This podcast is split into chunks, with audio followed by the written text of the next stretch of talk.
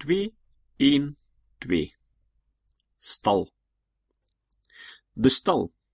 Hier stond de rijkdom van elke boer. Om die dieren draaide zijn hele leven. Melk en boteropbrengst bepaalden zijn winst.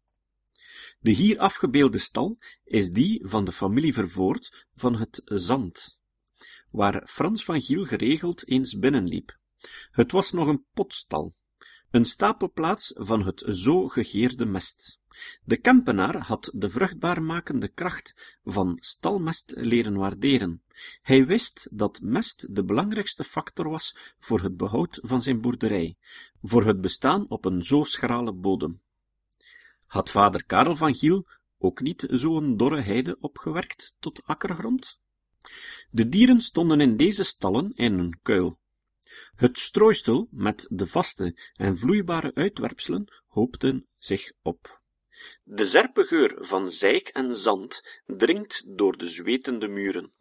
Zoals ook dichter-schrijver Frans de Peuter de stal uit zijn jeugd nog herinnert. In de twee tegenovergestelde wanden zijn de deuren zo breed dat de boer met de mestkar in de stal kan rijden.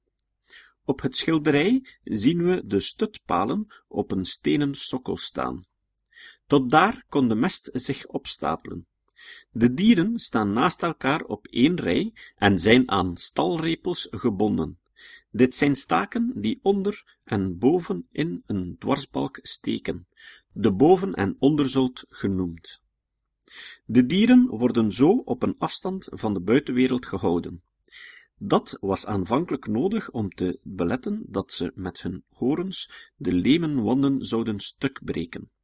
Zo komt er voor de dieren een gang vrij, de ben of voorstal, die dienst kon doen om ze van voedsel te voorzien.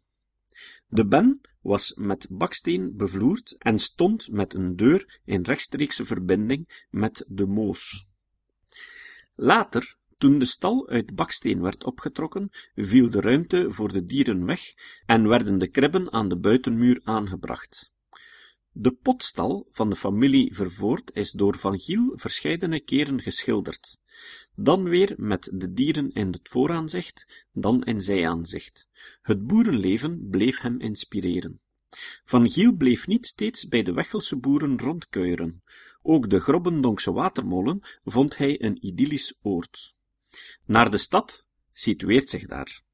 De huidige omgeving, anno 2008, is nog volledig herkenbaar op het schilderij. Hier wordt het dagelijks terugkerende tafereel geschilderd van het vee dat s morgens de beemt wordt ingejaagd en tegen valavond weer veilig naar de stal wordt gebracht, waar het zal gemolken worden door de vrouwen van de boerderij, want melken was een vrouwenwerk. De meeste mannen konden het zelfs niet. Wanneer de avond valt, de lucht zwaar is van geuren en geluiden, drentelt de bonte, logge stoet langs het vertrouwde pad stalwaarts. Hier en daar komt er wel eens een stok aan te pas, als een onwillig dier de weg niet vrijmaakt voor een passerende fietser.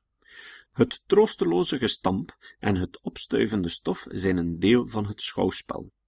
Het vergaren van de mest in de potstal was een reden om de dieren naar de stal te brengen.